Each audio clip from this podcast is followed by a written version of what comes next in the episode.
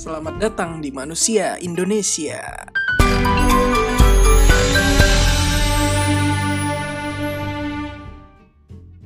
Halo, selamat pagi, Halo. Jan. Selamat pagi mas Gimana kabarnya nih?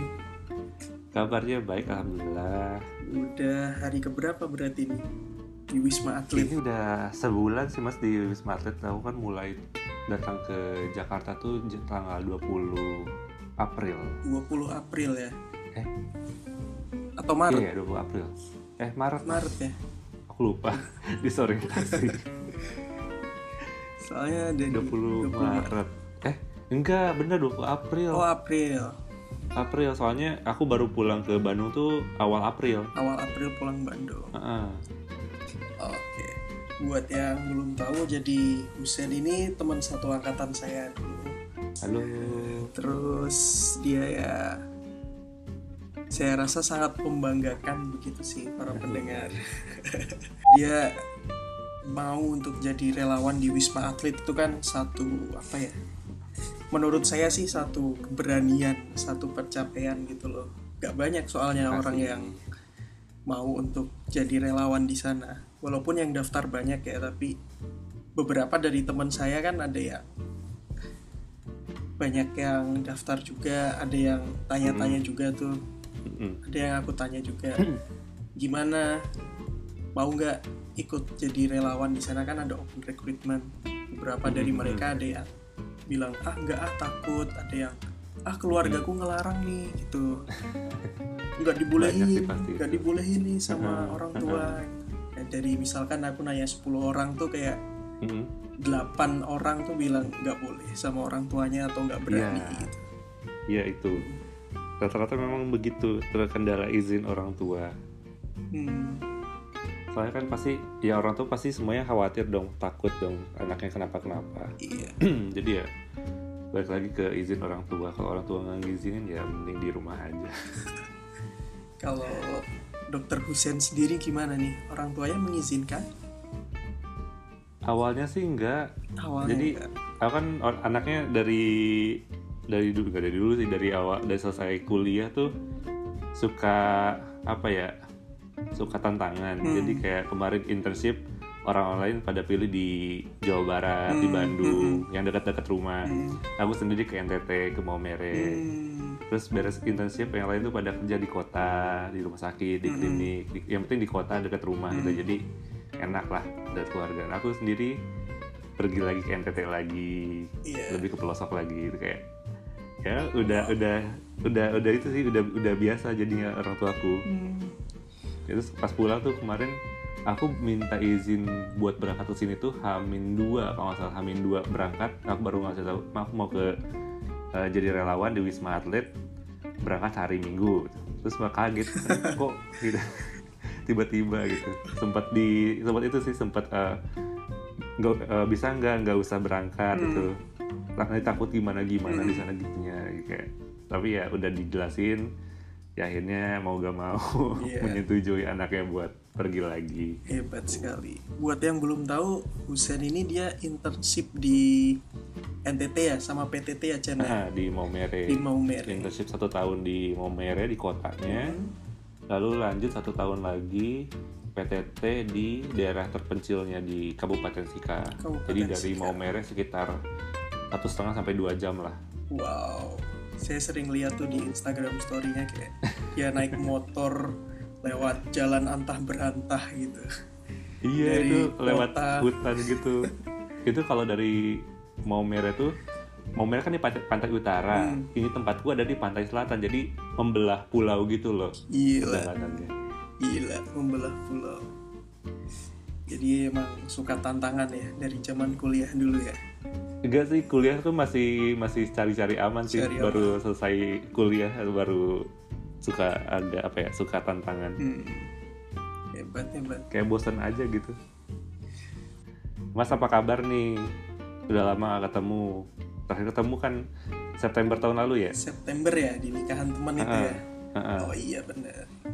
Sebelum itu pas di nikahanku ya ketemunya. iya Oh iya. iya dari dari kuliah tuh cuma dua kali aku ketemu kamu mas Oh iya. pas nikahanmu sama September kemarin Oh Wow, kabar baik. Gimana mas? Baik, alhamdulillah. Alhamdulillah. Yang baru jadi papa, Iya, baru jadi papa papa. muda. Aduh, ada tanggung jawab Gimana baru keluarga sehat-sehat? Alhamdulillah, sehat-sehat. Alhamdulillah.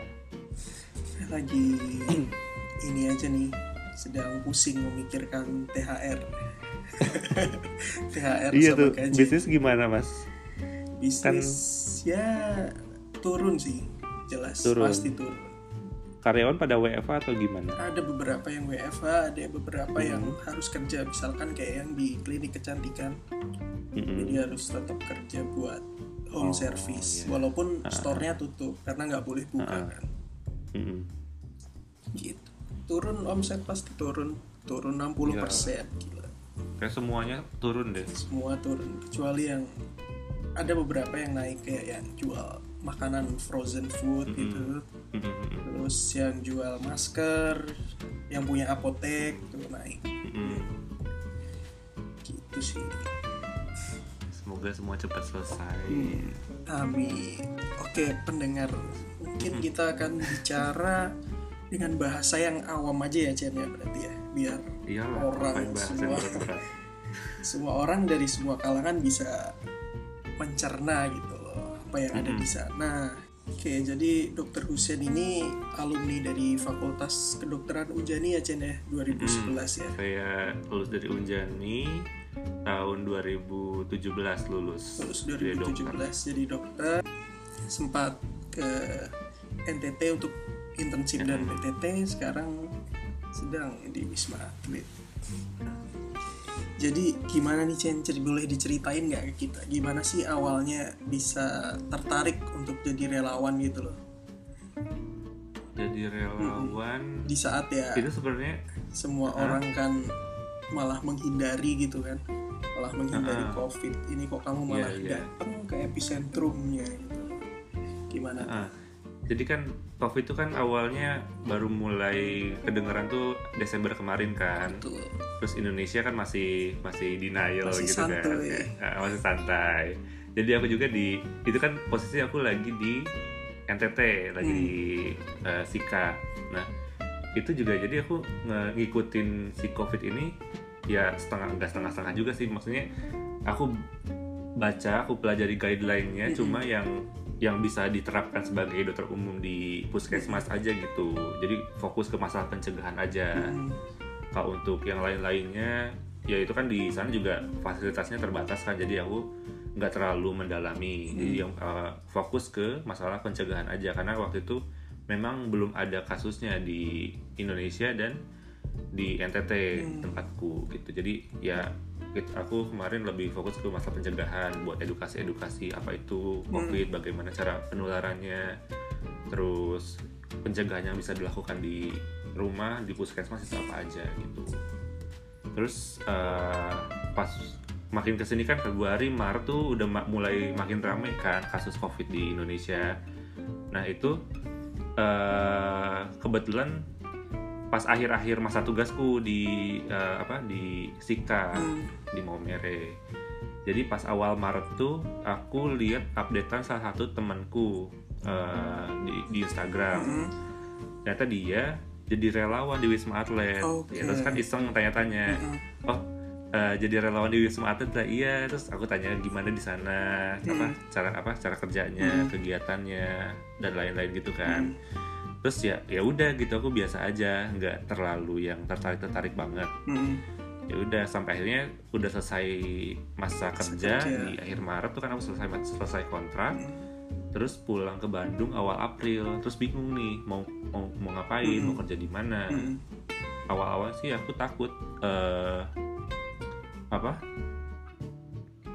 Takut buat kerja karena ya takut tertular covid terus tapi aku mikir lagi kalau misalnya kerja juga mau di mana pun mau di klinik di klinik pribadi klinik swasta di rumah sakit eh, swasta di mana pun pasti terpapar oleh si covid ini. Eh, makin ke sini aku baca-baca dari guideline dari eh, literatur gitu ya kalau misalnya tahu cara penularannya tahu cara mencegahnya kita bisa mempraktekkan eh, sesuai dengan protokol kesehatan ya Hmm. eh, kita bisa menghindari penularan gitu. Jadi kayak oh ya udahlah nggak terlalu menakutkan Yes. yang seperti yang aku bayangin sebelumnya. Jadi ya oh ya udahlah kerja aja lah. Tapi bingung juga mau kerja di mana. Soalnya kalau kerja di klinik pribadi, di klinik Mhm. swasta, di rumah sakit swasta, mau di rumah sakit mana pun, ya pasti terpapar dengan pasien COVID toh secara langsung maupun tidak langsung kan kita nggak tahu Mhm. pasiennya dia COVID atau bukan Iya. apalagi kan kalau sekarang banyak pasien yang eh, kurang jujur tentang riwayat kesehatannya Perjalanan. tentang riwayat perjalanannya jadi ya daripada kita tertular secara konyol ya mending aku datangin aja ke pusatnya gitu yang sudah Oke. jelas-jelas itu pasiennya pasien covid gitu Hmm.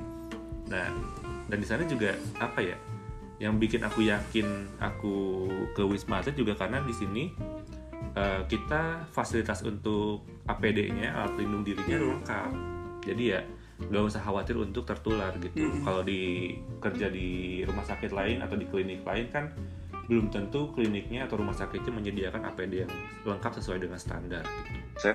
uh, standar level 3. Jadi kita tidak perlu khawatir kekurangan APD atau APD yang tidak standar karena di sini disediakan APD yang standar dan jumlahnya jumlahnya mencukupi. Kemudian di sini juga kami relawan disediakan fasilitas berupa akomodasi dan konsumsi. Akomodasi kita tinggal juga di kompleks Wisma Atlet tapi berbeda tower. Uh, fasilitasnya juga sudah cukup nyaman, ada tempat tidur masing-masing, kemudian ruangan ber-AC, listriknya gratis, airnya gratis, ada air panas. Oh gitu. Kalau untuk makanan gimana di sana? Disediakan atau gimana tuh? Bisa diceritakan ya? Eh, dapat konsumsi juga makan pagi, siang, dengan malam, ada snack-snack juga, ada makanan-makanan lain, cemilan atau buah-buahan dan makanan-makanan tambahan lainnya lah. Jadi untuk makanan terjamin.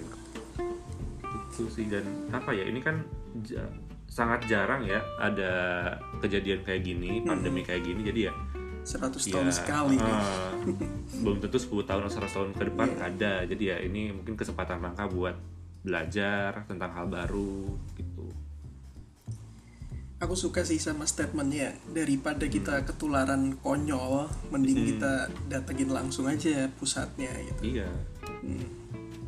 jadi kalau misalnya ketular ya ya udah ketular juga karena memang di rumah sakit yang khusus covid gitu bukan di kita karena kecerobohan atau kekonyolan Iya. kita yang nggak tahu itu pasiennya pasien covid atau bukan gitu. Oh gitu alasannya. Oke terus kemarin kan baca-baca juga tuh di Vice, aku baca artikel di Vice. Hmm. Nah itu tuh untuk Ya, cara baca jadi relawan Heeh, itu tuh ada tiga cara katanya. heeh. Ada yang lewat via ID, ada yang via BNPB, ada yang via Pemprov kalau untuk Mhm. perawat. Apakah betul atau gimana tuh Chen? Oh iya, jadi relawan di sini tuh kan ada banyak ya eh, dari profesinya juga banyak macam-macam. Ada apa yang dari medis, non medis, yang non medis tuh kan ada dokter, Oke. dokter gigi juga ada, perawat, apoteker, eh, petugas lab, petugas radiologi, terus tenaga kesehatan lingkungan, psikolog dan eh, dan lain-lain lah banyak Mm-mm. eh, apa farmasi terus yang non medis kayak dapur petugas dapur logistik IT media Hmm. humas eh, sopir teknisi administrasi gitu juga banyak nah itu eh, perekrutannya tergantung dari profesinya Hmm. gitu jadi kalau misalnya yang profesi sebagai dokter biasanya itu dari ID sumbernya Jadi ID. Oh ya jadi sebenarnya di rumah sakit ini kan kita eh, dikelola oleh militer ya, oleh TNI. Ya, jadi mostly di sini tenaga-tenaganya itu eh, orang-orang dari TNI juga. dokter militer gitu ya Iya, dokter militer, petugas-petugas yang lain juga banyak dari militer juga, dari radiologi, perawat juga ada dari militer. hmm. Cuman untuk sipil juga bisa ikut bergabung, yaitu tadi sesuai dengan profesinya. Kalau misalnya yang dokter itu yang dari sipil lewat ID. Kalau yang dari yang perawat itu mungkin dari Kemenkes atau dari BUMN ada. Itu atau mungkin yang udah jadi PNS di kepolisian, PNS di eh, tentara atau di kementerian yang lain juga bisa ditugaskan di sini tergantung dari eh, atasannya gitu. Oh, I see, I see. Hmm. Kalau untuk yang relawan non medis mungkin lewat websitenya BNPB itu ada BNPB ya? untuk pendaftaran. Hmm. Banyak di sana. Tapi kalau untuk dokter biasanya lewat ID. Untuk dokternya sendiri di sana ada dokter umum, dokter spesialis. Hmm. Berapa Di sini kita ada dokter umum, ada dokter spesialis. Dokter spesialisnya itu eh, hampir semua dari TNI ya. Wow. Ah, Oke. paling beberapa itu dari PNS, Kemenkes, dari Persatuan Dokter Paru (PDPI), Mhm. sama dari kepolisian kalau nggak salah ada nggak ya? Aku juga lupa. Tapi yang pasti eh, sebagian besar itu dari eh, TNI. Kalau untuk dokter spesialis itu sekitar 30-40 orang lah dokter spesialisnya ada dokter paru, dokter penyakit dalam, jantung, dokter eh, psikiatri, Hmm. dan lain tapi paling banyak sih paru dengan jantung dan penyakit dalam sih. Soalnya kan itu yang berhubungan dengan covid gitu. Terus kalau untuk dokter umumnya itu ada yang dari TNI ada dari Polri sama yang di sipil. Yang sipil ini itu dari ID relawan ID itu jumlahnya sekitar berapa ya sekitar 100 sampai 200-an lah mas. Soalnya itu kan rekrutmen itu setiap minggu ada rekrutmen untuk relawan dokter dari ID setiap minggu ada. Nah itu setiap minggu tuh ada sekitar 36 dokter yang baru gitu. Jadi mungkin kalau di total itu ada sekitar 200-an lah mas dokter umum. Cuman kita nggak tugas langsung sekaligus juga. Jadi kita kontraknya tuh kan ada eh, 14 hari masa kerja dilanjutkan dengan 14 hari masa karantina jadi ketika dokter yang lama masuk karantina masuk dokter yang baru Oh, Oke, gitu I see, I see, I see. 14 hari kerja, 14 hari karantina ya. itu Terus- yang masa kerja dokter ya dokter umum Dokter dari umum. ID Mm-mm. kalau yang dari tentara itu sekitar 30 hari masa kerja lanjut 14 hari masa karantina Oh, gitu. Nah untuk yang tenaga yang lain kayak perawat atau tenaga non medis juga mhm. itu beda-beda tergantung dari dari mana si relawan ini eh, mendaftar. Hmm, Tapi rata-rata kalau nggak 14 hari kerja 30 hari 30 hari kerja dilanjut dengan 14 hari karantina. Gitu. Oke, rata-rata 14 30. Nah, itu untuk Mm. teman-teman yang pengen daftar jadi relawan bisa tuh ya. Hmm. Jadi nggak cuma tenaga medis saja, tapi tenaga non medis pun ada Ya, di sana ya. non medis ada banyak. Kayak Dari cleaning mulai service cleaning gitu ya. service, dari mulai teknisi yang petugas Teknisi. eh, lis- yang ngurusin listrik, AC segala macam Hmm. sampai ke petugas-petugas administrasi yang di, kan- di belakang meja itu juga ada. Hmm. Untuk dokter barunya setiap dua minggu sekali ada dokter baru tadi ya. Setiap katanya. minggu mas, Setiap minggu ya. ID. Jadi untuk teman-teman dokter yang eh, berminat jadi relawan bisa meng, apa bisa mengakses di websitenya ID Website di ID. idonline.org. Untuk seleksinya sendiri gimana tuh Cem? Ketat nggak? Seleksinya sih kita cuma seleksi berkas mas. Jadi Seleksi nanti berkas. tinggal dokter yang udah punya STR tuh kan Mm-mm. wajib punya STR ya. Mm-mm. Itu tinggal daftar di ID online itu nanti ada formulir online. Mm-mm. Nanti dia dihubungi lewat email kalau sudah sudah terdaftar. Nanti ada dari ID yang menghubungi lewat WhatsApp. Nanti dimasukkan Oke. ke dalam grup WhatsApp relawan. Nah itu di grup WhatsApp tuh itu isinya ratusan relawan yang sudah mendaftar. Oke. Nah nanti setiap minggu biasanya setiap uh, uh, setiap Kamis tuh nanti ada pengumuman misalnya minggu ini dibutuhkan 30 orang dokter untuk uh, periode tanggal sekian sampai tanggal sekian nanti siapa saja yang mau nanti di list namanya Oke, oke. nanti kalau misalnya ternyata banyak peminatnya nanti diseleksi sih biasa diseleksi dari berkas sama eh, ke apa ya sama bisa atau enggak dia datang ke Jakarta. Karena kan sekarang lagi banyak daerah yang PSBB ya. Jadi susah buat eh, transportasi. Jadi paling diseleksinya dari itu. Diutamakan biasanya yang dekat-dekat Jakarta atau yang bisa akses ke Jakarta lewat jalur darat. Untuk seleksinya sendiri cuma seleksi berkas ya untuk yang dokter ya dari ID ya. iya seleksi berkas aja Nggak ada wawancara berkas. gitu? wawancara nggak ada. Oh, wawancara nggak ada. jadi kita udah daftar online nanti hmm. masuk ke grup. Nanti kita uh, apa eh, uh, di list nama-nama yang mau ikut di periode itu. Hmm. Nanti diseleksi berkasnya. Kalau berkasnya lengkap ya berarti kita nanti masuk ke dalam eh, sekian orang yang dibutuhkan hmm. untuk periode itu untuk gelombang itu.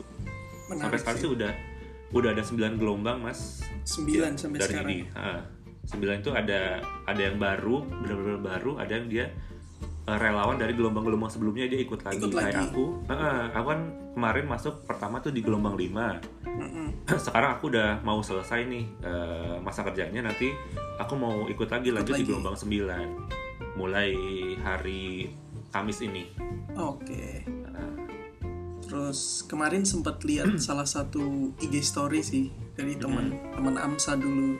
Dia Mm-mm. kuliah di UPH. Dia tuh storyin dia gagal diterima buat daftar jadi relawan Oh. gitu. Eh, aku nggak tahu ya gimana caranya teknisnya dia bisa nggak diterima apakah dikirimin email atau ditelepon atau apa gitu. Tapi yang jelas dia cuma bikin IG story ya eh, kesempatan untuk mengabdi gak ada lah gitu-gitu. Sebenarnya Berarti- banyak kok eh, apa kesempatannya terbuka lebar setiap minggu kalau untuk di Wisma Atlet itu tuh setiap minggu ada pembukaan untuk relawan. Cuman itu kita dipriori- diprioritaskan eh, bagi relawan-relawan yang sebelumnya sudah pernah ikut. Oke. Jadi kalau misalnya relawan yang kita kuotanya ada 30 nih. Mm-mm. Ternyata yang dari gelombang sebelumnya itu ada 20 orang yang Hmm, ingin melanjutkan jadi tinggal tinggal 10. 10 doang gitu.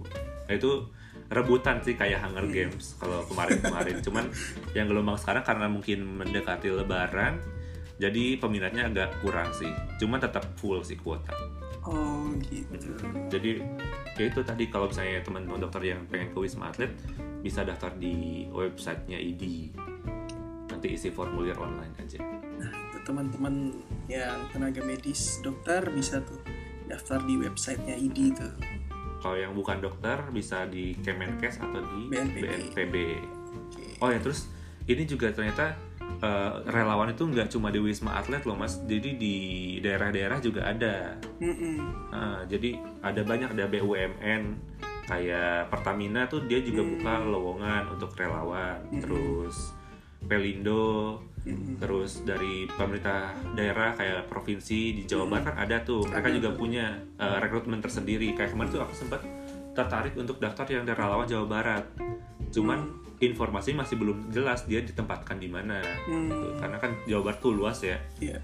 itu itu kalau yang Jawa Barat lewat Pikobar Jawa Barat lewat Pikobar ya. Ah, itu kan yang dibikin uh, Ridwan uh, Ridwan Kamil kan Mm. Nah, itu Pusat Informasi dan Koordinasi COVID-19 atau Pikobar di Jawa Barat. Itu nanti eh, daftar relawan bisa lewat situ kalau untuk yang di Jawa Barat. gitu. Oke.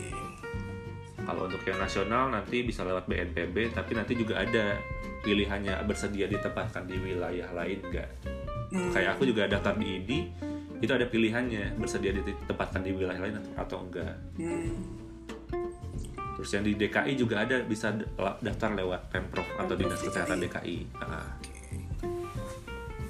Gitu. itu teman-teman sekedar informasi itu untuk yang pengen jadi relawan hmm, ya cuma jadi di jalannya Atlet. banyak banget. jalannya banyak di daerah masing-masing di instansi-instansi lain ya kan Hmm, BUMN, kementerian, kementerian BUMN, di Kemenhan juga buka. Kemenhan ada gugus percepatan juga kan ya Nah itu kan gugus itu kan untuk satu Indonesianya ya. Jadi yang sum pusatnya lah. Nanti masuk j- jalur masuknya bisa lewat mana aja, lewat ID, lewat Kemenkes, lewat Kemenhan, lewat BUMN atau lewat Pemprov oke gitu. terus ada yang banyak penasaran nih Chen kalau kerja Hmm. di Wisma Atlet nih gimana nih jam kerjanya atau sistem kerjanya shift atau Kalau gimana ah, kalau jam kerjanya kan itu tergantung dari profesinya ya mas. Mm-mm. Eh, jadi aku paling tahunya jam kerja untuk yang tenaga medis. Tenaga jadi medis. kalau tenaga medis termasuk dokter nah itu tuh kita dibagi dari dibagi ke lima tim.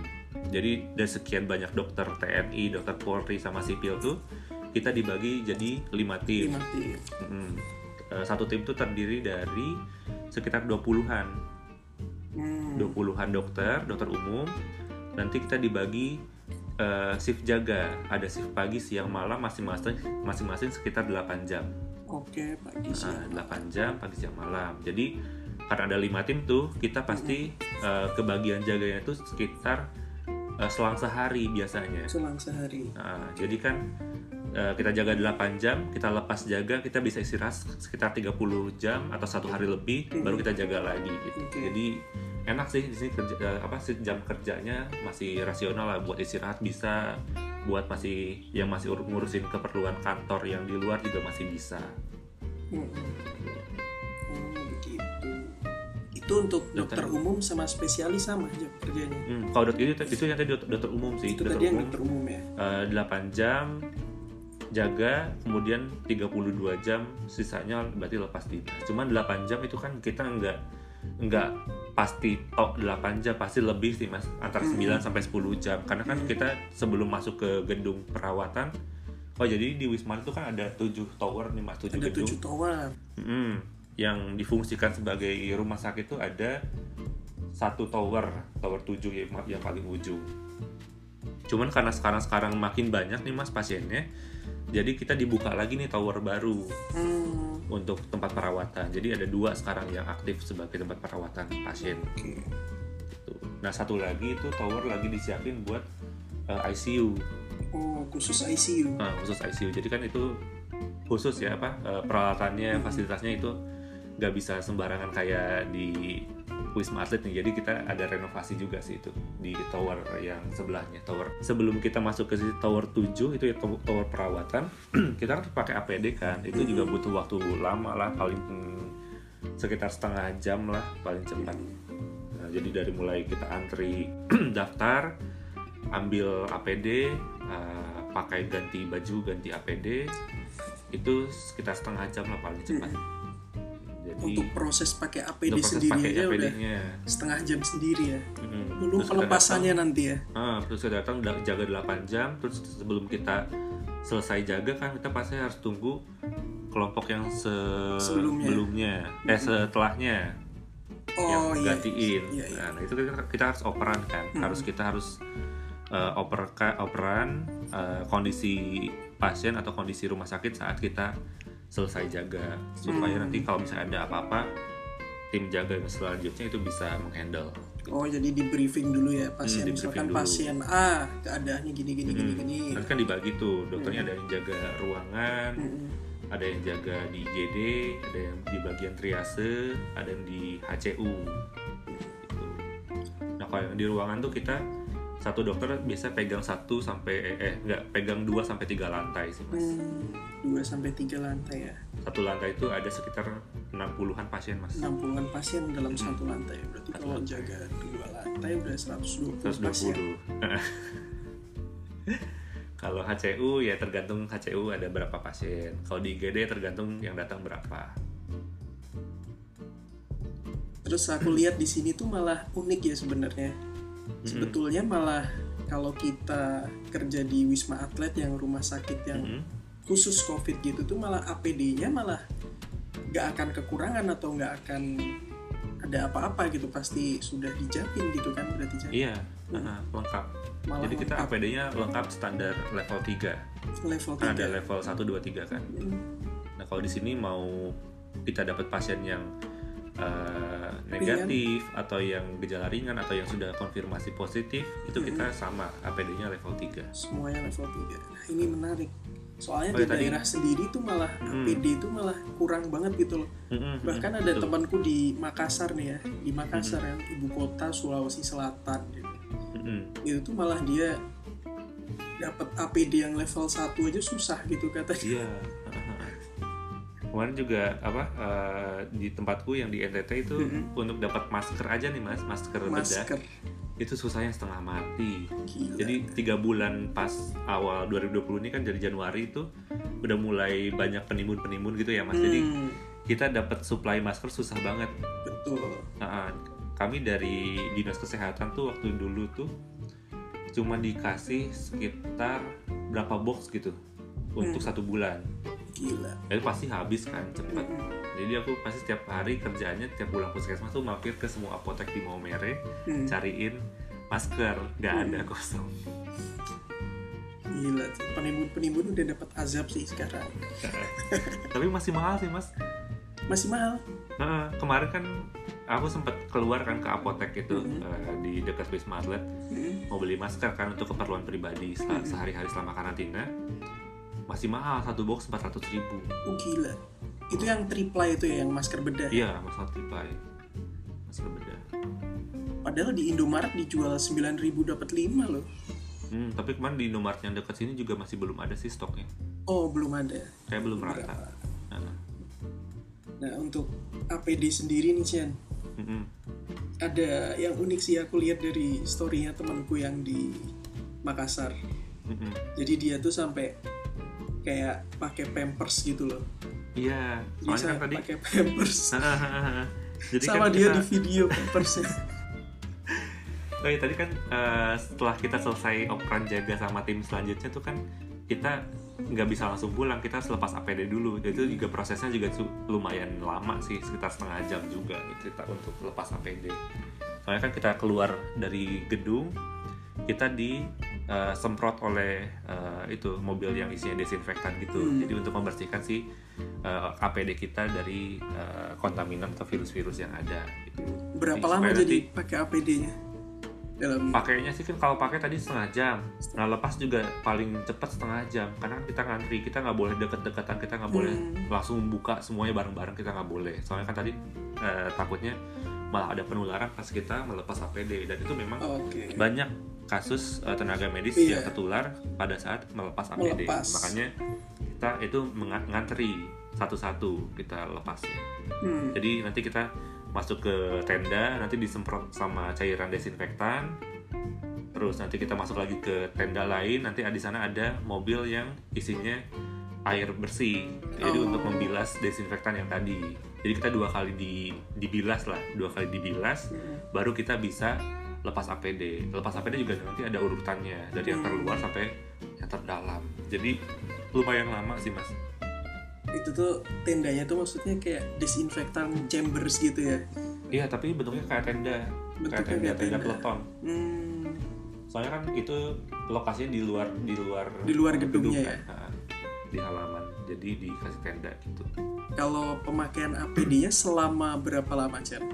untuk untuk proses memakainya setengah jam Kalau pakainya? kalau pakainya ya itu selama masa jaga jadi dari mulai kita datang ke gedung operan dulu dengan kelompok sebelumnya Mhm. dengan tim sebelumnya lalu kita jaga selama 8 jam itu kemudian kita nunggu tim selanjutnya yang jaga kita Oke. operan ya itu bisa sampai selesai desinfeksi sampai selesai kita lepas APD itu bisa sampai 9-10 jam sih mas 9 sampai 10 jam ya. Soalnya Hmm. 8 jam jaga, belum operan, terus belum belum pakainya, mulai lepasnya. pakainya lepasnya dekontaminasinya Nah, selama pakai itu tuh nggak bisa pipis ya Chan ya? Enggak, buang air kecil, buang air besar gitu. Heeh. sebenarnya bisa kalau kita misalnya kebelet banget nih pengen Mhm. eh, buang air besar atau buang air kecil bisa kita tinggal keluar dari gedung itu tapi harus tetap lewat proses dekontaminasi tadi Oh, yang panjang oke. itu tetap kita tetap dekontaminasi lepas APD sesuai dengan prosedur baru kita bisa ke toilet untuk buang air Oh. besar atau buang air kecil terus kita kalau misalnya masih di jam jaga berarti kita harus balik lagi kan Mm-mm. nah itu kita harus pakai APD lagi ulang dari awal APD yang baru karena Oh. APD yang tadi itu sekali pakai Ribet ya, jadi mending pakai Ah. pampers kayak temanku itu Iya, ya. dan karena apa ya, da- daripada ribet kayak gitu dan kita untuk menghemat APD juga, Mas. Hemat Jadi APD kita juga. ya sebisa mungkin tahan-tahan tidak minum, tidak buang air besar, tidak buang air kecil selama jaga. Jadi kalau misalnya memang nggak kuat untuk tahan buang air kecil, Mm-mm. bisa pakai pampers gitu. Atau misalnya yang eh, supaya nggak buang air besar, ki- kita biasanya nggak makan sebelum jaga sih, Mas. makan sebelum jaga. Nah, jadi kita usahakan eh, makannya agak jauh-jauh dari jam jaga gitu biar Oh. nggak sakit perut atau misalnya Minum kalau juga nggak bisa ya Chen ya. minum juga nggak bisa Minum juga nggak bisa ini untuk Makanya- orang awam nih yang denger nih kayak aku Mm-mm. atau yang lain. Wow, gitu ya. jadi selama pakai APD itu kita nggak bisa makan nggak bisa minum nggak bisa ke toilet itu menderita selama 8 sampai 10 jam itu Gila. Rasanya panas atau gimana di dalamnya tuh kayak Panas, di sauna panas banget. gitu. panas banget Walaupun Keringat ruangannya udah sampai- ber AC ya padahal ya. Hmm. Eh, jadi kalau pakai APD tuh kita bajunya basah banget sama keringat Mm-mm. jadi ya lumayan sih menderita walaupun di sana ada AC tapi ya tetap aja nggak kerasa karena kan tebel ya berlapis-lapis APD-nya udah pakai baju jaga terus pakai uh, coverall all suit itu panas sih lumayan makanya kalau, kalau aku pribadi dan beberapa yang lain juga kita pakai APD itu kita pakai baju yang seminimalis mungkin, Minimalis setipis mungkin, mungkin, ya. sependek mungkin gitu. Kayak cuma Supaya nggak terlalu panas. kaos Heeh. oblong putih gitu aja Iya, gitu ya. kita datang kan pakai baju jaga nih, tapi pas di ruang ganti baju jaga lepas, kita cuma pakai kaos oblong celana pendek, baru Oh. pakai hazmat. I see, I see. Itu untuk meminimalisir panas gitu. Walaupun sebenarnya masih panas juga sih. Hmm. Apalagi kalau misalnya panas dan berembun sih mas, soalnya kan tertutup ya masker, terus dipakai Google atau pakai face shield itu pasti berembun sih, beruap. Jadi apalagi yang pakai kacamata. apalagi ya. pakai kacamata. Ah, itu menderita dia. banget makanya eh, kemarin eh, aku beli itu sih spray untuk anti fog jadi lumayan membantu lah setidaknya Spray untuk mengurangi anti anti fog anti fog. nah, jadi nanti dise- disemprotin di kacamata di face shield di google-nya nanti eh, nggak ada uapnya Oh, ada ya jadi kayak gitu ada ya. lumayan tuh teknologi membantu Waduh, boleh dicoba nih. Atau Soalnya kalau kalau misalnya- pakai masker juga kadang berembun berembun. Mm-mm, itu bisa itu biasanya dipakai orang-orang yang suka diving loh mas oh. tapi sekarang gitu. dipakai buat di rumah sakit buat tenaga medis sekarang. Heeh. Oke. Tuh, atau kalau misalnya teman-teman yang lain yang low cost itu pakai odol pakai pasta Oh. gigi jadi diolesin di kacamata atau di Google atau di face shieldnya cuman ya agak pedis sih Oh, jadinya pakai odol. Heeh. Mengingatkan akan itu ya demo-demo itu yang pakai gas air mata itu kan pada pakai iya odol. iya iya kayak gitu itu ternyata itu fungsinya untuk mencegah Oh, Uap-uap ini. Keren keren ilmu baru nih. Terus untuk APD-nya sendiri itu ada yang dari sumbangan atau gimana tuh Chen? Atau disediakan langsung oleh pemerintah? APD itu ada yang sumbangan juga ada yang Mhm. disediakan pemerintah. Jadi ya macam-macam. Jadi kalau misalnya eh, APD yang sumbangan itu juga harus diperhatikan sih harus dengan sesuai dengan standar. Karena Oh, kalau iya, kalau nggak sesuai standar kita nggak terima juga sih. Hmm, karena kan itu re- beresiko kan berarti ada tim untuk uji kelayakannya juga ya berarti. Mm, jadi nanti kan yang donasi itu nanti ada ditujukan ke ada khusus eh, ruangannya nanti dilihat itu kalau misalnya donasinya berupa APD dilihat dia standar atau, atau enggak gitu. Oke. Kalau standar baru kita bisa pakai. Pakai. Kalau enggak mungkin dikembalikan untuk disumbangkan ke Tempat tempat, lain. lain. Eh, di sini juga kita dilindungi masalah kesehatan kita karena kan keselamatan tenaga kesehatan atau tenaga kerja di sini lebih di- diutamakan. Eh, jadi eh, sebelum kita memulai tugas itu biasa kita dilakukan pemeriksaan kesehatan atau MCU medical check up. Kemudian setelah dua minggu atau setelah 30 hari bekerja kita juga dilakukan pemeriksaan kesehatan ulang untuk mengecek apakah kita terpapar atau tertular oleh COVID-19 atau tidak. Kemudian kita masuk karantina selama dua minggu. Setelah selesai karantina sebelum pulang juga kita dilakukan pemeriksaan eh, kesehatan eh, berupa rapid test ataupun swab untuk me- meriksa apakah kita tertular atau tidak. Nah, kalau misalnya setelah selesai karantina dan kita sehat, kalau misalnya kita mau pulang kita boleh pulang. Tapi kalau misalnya kita mau lanjut perpanjang kontrak untuk jadi relawan di sini, kita bisa lanjut kerja di sini. Itu untuk masalah APD teman-teman. Nah kemarin tuh beberapa hari yang lalu sempat ada hal yang unik sih yang aku baca Chen. Mm-mm. Jadi aku baca di twitternya Fala Adinda tahu kan? Mm-mm, Tahu Nah, tahu. Fala Adinda dia tuh memposting makanan. Kan dia Hmm. jadi relawan juga di Wisma Atlet. Mm-mm. Dia ngeposting makanan yang makanan itu disumbangkan sama Ormas FPI nih. Hmm, iya iya iya. Nah, Ormas FPI itu kan yang seperti kita tahu kan eh, kesan yang kita dapat kan yang ormas yang wah keras gitu kan. Heeh, yang Nah. keras, suka ribut gitu gitu suka ya. ribut. Tapi kan Heeh. di situ kok aku lihat tuh kok mereka nyumbang makanan juga nih. Gitu. Mm-mm. Gimana nih? Gitu. Nah, jadi aku cerita dulu nih Mas. Jadi eh, Kak Fala ini, Dokter Fala ini dia satu gelombang sama aku dari Oh, relawan ini gelombang. gelombang 5. Oke. Jadi kita satu gelombang, cuman kita beda tim. Dia tim satu, aku tim dua pas Oke. jaganya. Mm. Nah, Kak Fala ini kemarin kan cerita tentang nasi apa nasi yang dari FP itu. Mm-mm. Nah, itu sebenarnya nasinya itu dari Hilal Hilal Merah Indonesia itu organisasi cabang dari FPI Oh, yang khusus di bidang sosial kemanusiaan. Jadi memang Oke. mereka eh, kalau misalnya ada bencana atau kalau ada apa, mereka eh, biasanya mengirimkan bantuan baik itu dari medis ataupun eh, makanan atau barang-barang lain yang dibutuhkan gitu. Nah itu sinasi itu dari eh, Hilal, Hilal Merah, Merah Indonesia. Indonesia. Nah, itu kenapa enak, kenapa dibilang enak? Sebenarnya ceritanya gini sih mas. Jadi Gimana gimana tuh? di sini kan relawan tuh dikasih makan kan tiga kali Hmm. sehari sama snack. Mm-mm. Nah tapi kan makanannya di, dimasak di dapur umum Oke. dan itu masaknya untuk se warga wisma atlet itu dari relawan sampai pasien itu ma- makanannya sama. Jadi kayak kurang vari kurang variatif dan rasanya Hmm. juga agak-agak tasteless sih ya? hambar karena kan memang makanan rumah sakit ya Iya.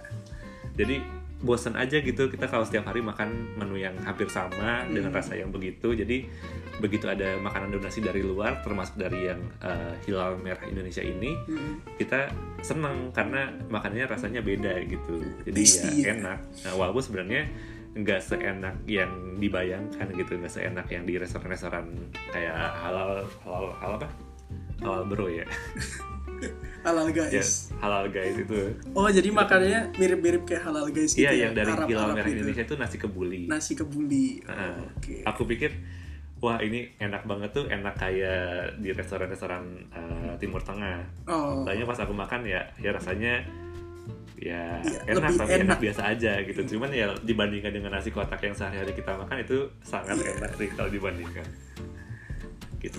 Biasanya manusia itu gitu ya bersyukur setelah setelah melihat yang lebih gak enak Mm, gitu. mm, mm, mm. betul. Jadi Ya. memang betul itu eh, ada bantuan dari itu dari apa organisasi cabang dari FPI Hilal Oke. Merah Indonesia itu. Oh, memang betul. Memang betul. Jadi dari aku mana-mana kok mas? Oke. Sumbangan dari mana-mana ada dari ya, tadi dari Hilal Merah, dari PMI, dari BUMN, dari perusahaan-perusahaan kayak Unilever gitu-gitu. Mhm. Ya sebut merek nggak apa-apa ya. nggak apa-apa nggak apa-apa Dari dari es krim AIC, dari Hidro es krim AIC dari iya, yang sedang ada, kontroversial gitu. itu Iya, ada ada ada box freezernya itu di Oh, di tower-tower. Jadi lumayan lah buat buka puasa. aduh Terus ada dari Isoples, Isoples tuh perusahaan apa ya aku lupa. Entah Unilever atau apa gitu. Oke terus dari Fiesta Fiesta yang mana nih Fiesta Fiesta Chicken nugget itu ya? chicken nugget Oh, jadi iya. ada apa makanan yang cepat apa siap saji yang tinggal dimasukin ke microwave bisa langsung dimakan oke instan gitu terus ada dari susu dari Diamond Greenfield Hmm. itu banyak lah terus dari donasi-donasi dari, dari apa dari pengusaha-pengusaha makanan kayak Hmm. dari warung-warung makan itu juga dari perorangan juga banyak donasi-donasi jadi banyak banget lah kita sangat berterima kasih atas eh, banyaknya sumbangan-sumbangan donasi-donasi Iya. yang sangat berguna untuk kehidupan pasien dan relawan di sini. terima kasih orang baik Terima ya kasih orang-orang baik. setelah baca beritanya dokter Fala itu yang di Twitter Mhm. aku tuh jadi kayak Hmm. apa ya jadi kayak faith in humanity restored gitu loh. Hmm. jadi kayak wah biasanya aku kenal FPI ini keras ya oh ternyata Iya. mereka baik juga gitu. Oh ternyata banyak orang baik juga nih yang Iya, ngasih banyak gitu. orang, banyak. banyak. hal yang nggak kita ketahui di luar sana gitu mas. Jadi Mm. pas baru masuk ke sini oh ternyata ada yang begini. Oh ternyata ada yang gini gitu. Nah, ya, yang donasi juga ini macam-macam mas. Selain dari FPI itu ada yang dari perhimpunan Tionghoa Indonesia gitu. Oh suci itu bukan ya? Buddha Suci, eh, iya ya Buddha Suci ada. Cuman ini ada juga perkumpulan yayasan yang lain gitu itu biasanya mereka menyumbang juga ada. Kalau jadi banyak untuk sih orang-orang baik yang uh, Hmm. nyumbang. Dari kita bisa gitu ada pasti ya? Ada pasti. Tapi sebenarnya uh, donasi itu bisa bisa lewat macam-macam sih mas. Bisa langsung ke wisma atletnya atau bisa Hmm. langsung ke uh, misalnya kalau kita mau menyumbang untuk relawan kita bisa langsung ke dokternya gitu. Misalnya ada saudara kita nih relawan dokter di wisma atlet kita bisa titipkan ke, ke dia gitu. Ini untuk dokter-dokter atau untuk oh. siapa? Oh bisa gitu ya? Bisa. Hmm. kadang-kadang kayak Kavala, Kadebrina itu kan yang in- mereka kan sudah cukup ter- ter- terkenal ya Hmm. sebagai influencer. Mereka juga dari followersnya atau dari siapanya dari rekan kerjanya itu juga kadang-kadang mereka kirimin makanan kirimin barang-barang yang untuk kebutuhan kita didonasikan gitu. Hmm, jadi bisa kalau misalnya mau titip donasi lewat relawan bisa atau mau langsung ke pihak wisma atletnya juga Hmm. bisa tapi apakah ada ini nggak sih Chen? Ada pemeriksaan yang ketat itu atau ada seleksi nggak sih untuk para orang-orang yang ingin memberikan bantuan atau sumbangan ke wisma atlet? seleksi sih kayaknya nggak ada sih mas ada cuman ya? ya kalau kalau untuk orangnya ya cuman ya Hmm. Karena di sana aksesnya tertutup ya area terbatas jadi nggak semua orang bisa masuk ke area wisma atlet gitu. Jadi paling kalau misalnya dari eh, pihak perseorangan yang mau donasi lewat relawan biasanya kita relawannya nyamperin ke gerbang kita ambil tuh makanannya kita angkut ke gedung gitu. Atau kalau misalnya yang lewat wisma atlet dari perusahaan besar biasanya nanti mobilnya masuk ke area wisma atlet nanti diturunkan di gedung yang khusus buat logistik. Oke. Oh ada gedung buat khusus logistik ya? Ah. Karena ada tujuh tower tadi yang dua tower untuk ada rumah tower sakit. satu itu untuk dia pusat apa sih eh, apa gugus percepatan ini Oke. itu tower satu dan tentara-tentara TNI TNI itu di di tower satu itu masih di zona hijau terus yang di tower 2 itu sudah mulai masuk zona kuning itu untuk eh, tempat tinggal relawan relawan medis dan non medis di sana tower 4 itu untuk eh, persiapan kita apa eh, pakai APD di sana sama penunjang-penunjang kayak farmasi, laboratorium, eh, radiologi itu di sana di tower 4. Oh, I Tower see. 5 sam- untuk sampai saat ini masih belum difungsikan. Tower 6 itu sedang direnovasi untuk pembuatan HCU. Tower 7 itu yang sudah dari awal difungsikan sebagai rumah sakit. Jadi ada UGD-nya, ada lab-nya, ada HCU, ada ruang-ruang perawatan. I see, I see gitu. Keren, keren. Kalau Gojek bisa nggak? Nggak bisa ya? Gojek bisa. Jadi Bisa. di sini juga relawan-relawan, bahkan pasien pun kita kalau misalnya bosen dengan makanan Bisa GoFood makanan gitu rumah ya? sakit Grab atau food, misalnya pengen dianterin barang apa, mau Hmm. beli online shop, mau beli skincare juga bisa Oh, lewat eh, itu lewat ojek online atau lewat eh, jasa kurir pengantaran. Itu tinggal dikirim aja ke tergantung kalau pasien kan biasanya di tower 7, tinggal Mhm. kirimin ke tower 7 nanti eh, petugas kurirnya itu dia simpan di lantai satu di lobi mm-mm. nanti di biasanya perawat yang di lantai itu yang ngambil ke bawah Oke. untuk pasiennya. Jadi di sini perawat-perawat juga ada fungsi tambahan sebagai kurir eh, Kurir itu, delivery. kurir barang, delivery barang dan makanan. Oke. Dia bisa jam-jam tertentu misalnya jam 10 nih. Hmm. Pada perawat lantai sekian sekian sampai sekian dimohon untuk turun ke lobi karena ada paket. Oh, Gitu. Jadi lucu banget itu kayak kita perawat tuh merangkap sebagai delivery. oh Lucu. gitu. Nah, jadi Wah, pasien juga ya. bisa. Mm-mm. Unik. Jadi pasien bisa kalau misalnya mau pesan makanan, pesan barang atau dikirimin barang dari rumah bisa. Eh, dikirim ke Wisma Atlet di Tower 7. Tapi kalau misalnya untuk relawan itu beda lagi, dikirimnya ke pos 2. Hmm. Jadi nanti kita dari tower masing-masing, dari kamar masing-masing jalan ke bawah, ke depan untuk ambil paketnya. Oh. Jadi, Jadi masih beda bisa pintu, ya? beda pintu. Pesen Gojek gitu masih bisa ya? masih bisa. Belanja online gitu. belanja online mau Jadi GoFood tidak- delivery makanan bisa Terlalu stres mungkin ya untuk pasien dan Ah. relawan di sana. betul Ada ini nggak sih ada kegiatan untuk mengusir stres gitu nggak di di sana, Chen? Kegiatan Atau hiburannya relawan- apa sih di relawan sana? atau pasien nih mas Dua-duanya. Kalau misalnya oh, kalau relawan aku apa? cerita pasien dulu ya kalau Boleh, pasien boleh. itu kan eh, tinggalnya di tower jam 7 ya Mm-mm. 7 sama 4 kalau sekarang Mm-mm. itu masuk ke zona merah jadi pasien sih agak kurang bebas ya mas untuk dia bisa beraktivitas sehari-hari soalnya nggak boleh keluar gedung Hmm. karena kan takutnya dia eh, menjadi sumber penularan ya Iya, untuk yang lain betul. gitu. Jadi pasien tet- tetap ada di luar gedung, cuman dia bisa eh, main-main ke kamar sebelah atau ke lantai yang lain kalau misalnya ada kenalan ke di sini sih Hmm. banyak kan gitu. Jadi anak oh ada temanku dirawat juga di sini di lantai berapa. Jadi kadang-kadang Hmm. siang-siang main ke kamarnya atau misalnya mereka olahraga bareng atau kegiatan bareng di rooftop atau di balkon. Hmm. Jadi kan ada rooftop sama ada balkon yang luas gitu loh mas buat buat bisa buat lari, bisa buat olahraga, bisa Oh, untuk berjemur. oke. Jadi nggak di kamar melulu lah Mm-mm.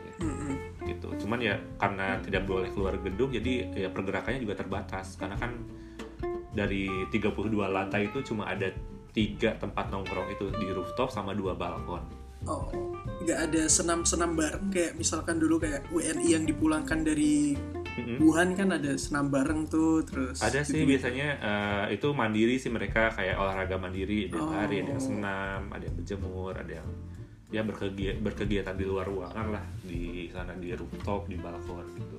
Tapi tentu beda ya kayak pasien yang ODP, PDP sama pasien yang udah positif Oh iya, benar-benar eh, gitu beda. ya. Itu dibedakan. Jadi eh, nggak di satu di dalam satu lantai yang sama. Jadi untuk pasien-pasien yang datang statusnya PDP atau ODP tapi dia rapid test atau hasil pemeriksaannya masih negatif, Mm-mm.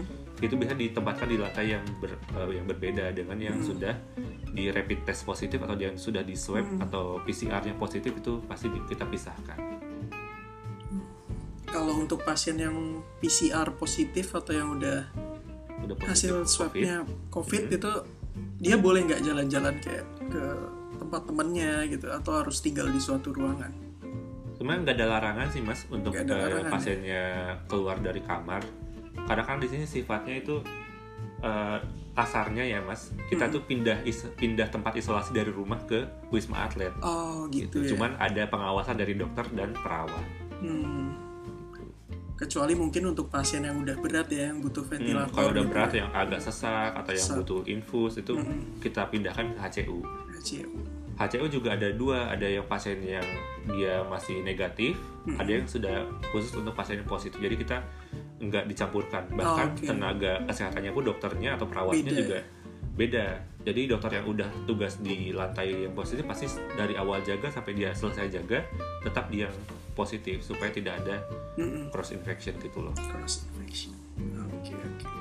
Kalau untuk psikolog atau psikiater ada nggak sih Chan di sana? Ada, ada, ada. Kebanyakan sini psikologi dari dari tentara ya mas dari TNI. Tentara.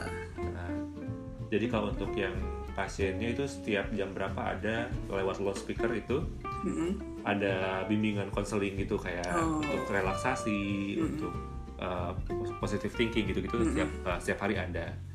Terus kalau misalnya pasien yang punya uh, apa keluhan psikologis, misalnya dia stres, cemas, itu bisa menghubungi itu apa uh, petugas, misalnya ke perawat atau ke dokter, di- eh, diceritakan keluhannya nanti mungkin diberitahukan ke bagian psikologi nanti dari bagian, dari bagian psikologi datang khusus untuk konseling Hmm. atau kalau misalnya memang butuh penanganan lebih lanjut ada kita konsul ke psikiater nanti ada dapat obat juga Oh. untuk pasien-pasien tertentu itu untuk pasien ya mas. Kalau untuk relawan sih agak lebih bebas soalnya masih bisa keluar dari gedung. Jadi kita masih bisa ke halaman masih bisa lari di sekeliling wisma atlet. Masih bisa main grab wheel. Jadi sih juga ada disediain dari grab nyumbangin grab wheel. Jadi Buat skuter mainan gitu, ya. buat mainan. Jadi buat misalnya dari eh, mau ke depan am- ambil barang eh, paket atau misalnya cuma buat main-main di sekeliling tower sekeliling gedung itu kita bisa eh, pakai si grab wheel itu gratis terus mau lari mau olahraga mau macam-macam lah bisa di sini ada ruang karaoke juga Hmm. terus ada hall gitu serbaguna yang bisa buat uh, tenis meja, pingpong atau Iya. buat bulu tangkis juga bisa. Itu sih yang aku dengar ada karaoke sama pingpongnya. Jadi untuk relawan sih lebih banyak pilihan Banyak itunya, pilihan untuk relawan. pilihan untuk uh, aktivitasnya. Terus untuk hiburannya selain misalkan ada karaoke, ada tenis Mhm. meja tadi apa tuh Chen? Selain main medsos Oke, misalkan. tenis meja, badminton, Badminton ada. uh, ada. Wow. Tapi ya bukan aula yang khusus buat badminton Hmm. sih. Jadi kayak itu kayak lantai tiga kan dia uh, apa luas gitu kan. Jadi kita bisa badminton di sana, bisa kumpul-kumpul di sana. Oke. Atau kalau misalnya karena di sini relawan banyak ya, jadi kita kadang-kadang kalau bisa makan suka bareng-bareng walaupun sebenarnya kan Hmm. nggak boleh berkumpul ya mas. Cuman kita ya mau gak mau, mau Iya. dan tidak bisa menghindari untuk berkumpul bareng gitu karena kan tempatnya di situ-situ lagi sedangkan relawan jumlahnya banyak sampai ribuan jadi ya Mm-mm. pasti ketemu-ketemu juga Iya. gitu jadi kita kadang-kadang suka makan bareng tapi tetap pakai masker dan jaga jarak sih Wifi kenceng di sana? wifi ada untung kita disediakan wifi kencang lumayan bisa buat streaming buat download juga bisa Nonton drakor Tapi- bisa ya? hmm? nonton drakor bisa bisa. udah udah hiburan lah lumayan Hiburan lah. untuk wifi cuman di beberapa tower itu belum ada wifi mas jadi baru ada di tower 3 sama di tower 7 wifi Oh gitu. Nah, di tower lain tuh belum ada wifi Main belum ada. Ada ini nggak, Jen? Ada cerita unik gitu nggak?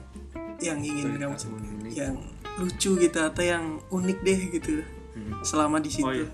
Untuk yang kegiatan relawan juga kita terbantu juga sih kadang-kadang karena sekarang bulan puasa jadi setiap sore ada bantuan dari dari luar. Aku lupa dari pihak mana, itu kalau nggak salah dari SMA 3 Jakarta, mm-mm. dari Pramuka, terus dari mana gitu. Itu mereka bikin tenda-tenda gitu, tenda-tenda makanan. Jadi kayak Oh. makanan kayak gorengan, Takjil gitu ya. bakso, iya bakso tahu, batagor, eh, kopi, itu Jajanan-jajanan banyak gitu. jajanan-jajanan. Jadi setiap sore tuh jam 4 tuh eh, rela-rela tuh udah antri di lapangan di bawah Antri. untuk antri itu ambil makanan. Karena kan Oh. kalau makan nasi kotak bosen. Bos. Oh, ada kayak gitu. Jadi itu lumayan juga membantu sih. Gitu. Terus kalau cerita unik apa ya? cerita unik selama jaga ya. Mm-mm. selama jaga sih aku ketemunya pasiennya apa ya yang emotionally unstable gitu loh mas Oh iya. Hmm, karena di sini rumah sakit eh, darurat eh, wisma atlet itu kan menerima pasien yang gejala ringan sampai sedang jadi pasti pasiennya di sini ya kayak pasien biasa aja nggak nggak kelihatan sakit Mm-mm. gitu bahkan ada ya banyak banget yang nggak bergejala Mm. cuma batuk-batuk dikit OTG ya, OTG ya. Orang OTG. tanpa gejala. tapi dia soalnya positif itu banyak Hmm. jadi masalah terbesar yang aku lihat di sini sih lebih ke psikologis sih mas jadi Mm-mm. Itu kan di sini pasien itu isolasi mandiri jauh dari keluarga hiburan terbatas pasti bosan pasti stres dan itu lama-lama eh, bisa bikin depresi juga sih mas. Di mana Apalagi mereka kalau misalnya- nggak bisa kerja atau dapat Heeh. stigma yang buruk dari masyarakat. stigma dari masyarakat terus hasil pemeriksaan swabnya yang masih positif terus Hmm. jadi ada beberapa pasien yang dia udah lebih dari sebulan loh mas di sini Sedangkan stres itu dapat menurunkan imun ya nggak sih Mm-mm. malahan. Jadi udah udah lama lebih dari sebulan dirawat tapi hasil swabnya masih positif itu sih bikin apa bikin bikin down sih aja aku sel- selama jaga ada beberapa pasien yang datang curhat nangis jadi Hmm. sejam tuh aku cuma sama pasien itu doang gitu Mm-mm. nemenin dia curhat dia nangis nangis dia nangis eh, curhat tentang bagaimana dia bisa menjalani eh, kehidupan selanjutnya sebagai pasien terus Mm-mm. gimana orang-orang di rumah ya kita juga sebagai dokter ya bantu untuk menenangkan bantu untuk ngasih konseling ngasih sugesti yang Iya. baik-baik lah untuk pasien Berarti peran untuk psikolog atau psikiater di sana tuh Mm-mm. dan psikiater di sana sangat penting ya berarti ya. iya penting banget sebenarnya yang paling banyak sih keluhan-keluhan dari psikologis sih mas Hmm. Jadi Sama- sebenarnya kalau menurutku Mm-mm. satu tim juga harus ada tim psikolog eh, ada harus ada tenaga psikolog atau psikiaternya mungkin untuk bantu konseling bantu soalnya kan kalau konseling lewat speaker agak kurang ya mas Oh, jadi, jadi, mungkin lebih ke chat personal selama chat ini personal belum aja. cukup ya mungkin tenaga untuk psikolog dan psikiater kalau ya. menurutku sih menurutku pribadi ya belum cukup sih cuman ya baik lagi kan ini kan kita ada nggak bisa sembarangan kan kita masuk sana Mm-mm. jadi harus eh, tetap harus pakai apa ya di level PD. 3 terus eh, takutnya ada kontaminasi atau penularan jadi mungkin itu di yang yang per- jadi pertimbangan tidak ada eh, tim psikolog di setiap tim gitu Mm-mm. tapi untuk psikolog atau psikiater yang khusus pasien tertentu yang memang membutuhkan konseling khusus Mm-mm. itu ada Hmm. ada jadi nanti biasanya nanti si psikolog atau psikiaternya datang ke pasiennya langsung ke ke ruangannya langsung Hmm. Bisa nggak sih kayak psikolog atau konseling secara online gitu kayak pakai Zoom atau pakai video call gitu? bisa bisa Bisa bisa, sih? cuma ya tetapnya kalau untuk yang psikolog atau psikiater kayaknya lebih enak ketemu langsung gitu ya Mas? Iya betul ya. apa ya rasanya beda gitu loh iya efek Tuh, apa sih namanya efek dulu si efek placebo ya gitu. placebo ya benar efek placebo apalagi ada sentuhan yang bisa meningkatkan dopamin dan lain-lain Enggak lah kan di sini juga kita aku juga periksa pasien itu harus jaga jarak mas. Oh jaga jarak ya nggak bisa pegang ya? Ngepuk-puk Nggak bisa gitu pegang. nggak bisa ya? Sampai Nggak. ribu gitu nggak bisa ya? Enggak kan kita harus menerapkan protokol-protokol kesehatan oke. physical distancing. Oh gitu ya. Tapi ada dari mereka yang punya psikolog atau psikiater pribadi nggak sih? Ada sih pasti Ada beberapa ada, Soalnya kan di sini pasien juga dari berbagai macam kalangan ya mas. Bahkan ada dokter juga. Hmm, yang jadi pasien di jadi pasien iya. Temannya bapakku ada tuh. Iya, SPOG dia. Oh, dirawat iya. di sana. Oh. Dia ketularan dari tempat pernah- prakteknya. Heeh. kalau aku kemarin pernah ketemunya tuh dokter SPKJ SPKJ malahan. Heeh, dan beliau sudah sepuh gitu. Aduh jadi kasihan agak ya. kasihan juga sih udah sepuh terus isolasi sendiri hmm, terus yang teman-teman dokter umum juga banyak teman dokter umum. Iya tuh. Itu untuk para pasien-pasien ya yang ingin berobat tolong jujur ya tentang riwayat perjalanan riwayat Karena penyakit. kebanyakan dokter di sini tertularnya ya nggak tahu itu pasiennya pasien covid atau bukan. Mm-mm. nggak ada Jadi ya- salahnya kok untuk jujur ya kan? Mm, dan betul. kalau kamu terkena COVID-19 tuh bukan aib kok sebetulnya, iya kan? Semua orang bisa kena mulai dari tukang becak, penjual, sampai ratu Inggris pun bisa kena. pejabat juga bisa kan Pejabat bisa kena, semua bisa kena. Jadi itu kena COVID tuh bukan aib. Jadi kalau kamu kena COVID ya bilang aja jujur. Kamu habis dari mana, gejala yang kamu rasakan apa gitu ya, betul betul. Ya aku di sini kalau misalnya lihat berita yang begitu cuma bisa mengelus dada dulu. Sabar sabar tapi Ini juga nggak- ketemu di wisma atlet. Suka menerapkan ini nggak, Cen? Apa namanya? Kenapa? Eh, detox medsos. Kayak ah gue nggak mau lihat medsos dulu. Ah kalau lihat medsos tuh bawaannya sakit hati Hmm, lihat masyarakatnya gak bisa diatur iya gitu, iya. Aku beberapa ada yang medsos- kayak gitu soalnya. Ah, detox medsosnya itu bukan dengan off total sih aku tetap uh, buka medsos Twitter Mhm. buka Instagram tapi kayak di mute aja gitu kayak keyword keyword yang sekiranya Oh, oke bikin emosi aku nggak buka gitu kayak akun-akun yang so apa akun-akun selebgram yang iya toxic gitu Mm-mm. aku blok gitu atau, atau aku nggak follow terus kayak Twitter juga kan bisa di mute kan Bisa. kata-kata tertentu itu Hmm. bisa jadi kayak ya aku sih teknik detoxnya pilih-pilih sih apa yang mau dilihat apa yang mau dibaca. Soalnya kalau misalnya baca itu juga ya ikutan emosi sih mas. Kayak aku kemarin yang heboh yang influencer yang nggak pakai masker itu. Oh iya. Heboh heboh kan mau gak mau kita juga pasti tahu itu beritanya. Dan Mm-mm. apa ya kayak emosi sih kayak kesel sedih gitu. Kayak kita di sini capek-capek ngapain gitu. Iya kok tidak ada empati sama Mm-mm, sekali nggak ada gitu. empati sama sekali. Jadi ya ya udahlah karepmu lah terserah iya tuh tenaga kesehatan sekarang udah mulai itu ya viral tuh banyak ya. Indonesia tanda tanya terserah. Terserah. Tapi enggak kok kita tetap uh, kerja sesuai dengan Iya. profesi kita. Iya. Ci. ya walaupun walaupun tenaga medis. begitu tapi ya itu kan udah kewajiban sih mas walaupun tenaga medis kesel sama kalian yang Mm-mm. masih suka nggak nurut tuh Mm-mm. yang masih suka kumpul-kumpul bikin klaster atau kumpulan baru gitu kalaupun kalian sakit ya tetap ditangani kok iya kan Chen Mm.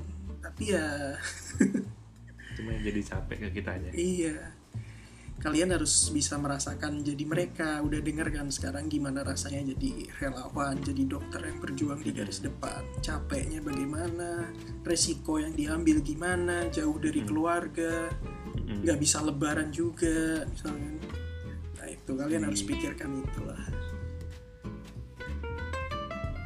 Jadi kita sama-sama sih sama-sama sama-sama nggak enak sih. Di tenaga kesehatan nggak enak jadi masyarakat yang lain juga nggak enak sih jadi sama-sama nggak enak tapi ya tetap harus apa ya harus punya empati lah supaya semuanya kalau kita semua bisa kerjasama semua bisa disiplin ya bisa lah kita cepat mengatasi pandemi ini oke terakhir nih, Chen. Udah hampir satu jam kita berbincang. Iya. Kayaknya. Gila. Banget. Terakhir nih, ada ini nggak sih ada pesan atau hal yang ingin disampaikan kepada masyarakat, kepada eh, rekan sejawat yang lain, tenaga kesehatan, atau kepada pemerintah atau kepada instansi terkait atau pemangku kebijakan itu ada nggak sih? Pesan sih pasti ada sih mas. Mm-mm. Kalau pesan-pesan sih banyak. Mm-mm. Ini sebenarnya curahan hati sih. Boleh boleh. Eh, jadi apa ya? Kalau untuk pemerintah atau pemangku kebijakan ya saya eh, kami di sini berharap eh, pemerintah atau pemangku kebijakan men- menerapkan atau membuat aturan yang tegas. Aturan yang tegas ya. yang tegas dan sesuai dengan uh, evidence base atau berpedoman pada sains atau ilmu Hmm. pengetahuan jangan asal-asalan untuk Hmm. membuat kebijakan Betul. dan jangan pelin-pelan Iya. sebentar itu tuh uh, beberapa hari kemudian dibuka dilonggarkan ini kan kayak terkesan gak serius gitu ya semoga Hmm. ke depannya untuk kebijakan-kebijakan dari pemerintah lebih tegas lebih sesuai dengan uh, keadaan di lapangan sesuai Hmm. dengan dengan sesuai dengan uh, apa sains juga sih karena kalau misalnya ambil ke- kebijakan sembarangan juga nggak nggak bermanfaat sih mas Oke. Ya, tolong Terus didengar teman-teman di kantor staf kepresidenan mungkin ya. Ada teman saya juga tuh di situ. terus uh, pesan untuk masyarakat jadi kan kita semua tahu kondisi seperti ini nggak enak nah saya aja sebagai tenaga medis juga nggak mau kondisinya kayak begini terus jadi eh, kami mohon kerjasamanya untuk selalu mengikuti himbauan pemerintah dan petugas kesehatan seperti menerapkan perilaku hidup bersih dan sehat, kemudian rutin cuci tangan, tidak mengadakan kegiatan yang melibatkan banyak banyak orang, misalnya berkerumun, nongkrong, atau misalnya ada pesta, itu ditunda dulu. Kemudian sebisa mungkin kita melakukan pekerjaan atau kegiatan lainnya seperti belajar atau beribadah di rumah. Jadi untuk yang ingin eh, sholat berjamaah di masjid atau misalnya sholat Jumat atau nanti lebaran sholat idul fitri kita mohon tahan-tahan dulu kita ikuti imbauan pemerintah untuk tidak menggelar kegiatan yang berskala besar di luar.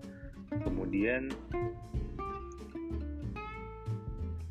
karena ini juga sudah mau mendekati lebaran biasanya kan kalau lebaran identik dengan mudik jadi disarankan untuk tahun ini kita tidak mudik dulu karena untuk mencegah penyebaran eh, virus ini.